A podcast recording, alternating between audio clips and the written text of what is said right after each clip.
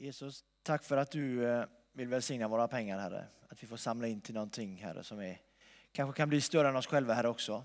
Hjälpa andra människor och stötta vår församling, Jesus. Välsigna dem på alla sätt, Herre. Amen. Det är så gött med uppståndelsegudstjänster tycker jag. Jag tycker det är absolut bland de härligaste gudstjänsterna.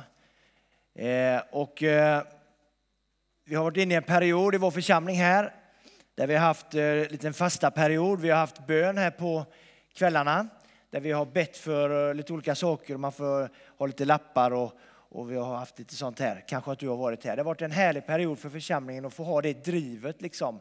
att få ha det i fastan, att få kunna ha bönekvällar. Kanske har du har fastat på något sätt.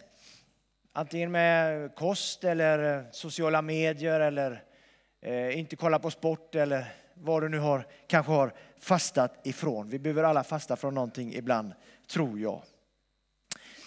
Och så har vi kommit till den här dagen som är uppståndelsedagen när Jesus uppstår. Och eh, jag ska predika lite utifrån just uppståndelsen. För ifrån eh, Lukas evangeliet 24.36 så står det så här. Medan de ännu talade stod han plötsligt mitt ibland dem och hälsade på dem och sa frid över er alla.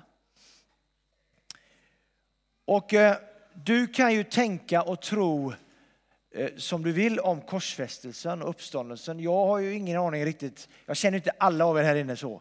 Så jag vet inte om du har en tro eller inte eller hur du tänker kring korsfästelsen. Och Daniel här, han som hade vardagsordet, var inne lite på det här att när man ser det, när man står där och upplever det, så har det hänt på riktigt. Och det är vad jag tänker och tror också.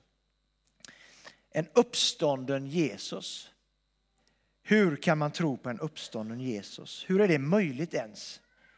Och jag tänkte jag skulle eh, gå igenom lite grann varför han kan ha uppstått.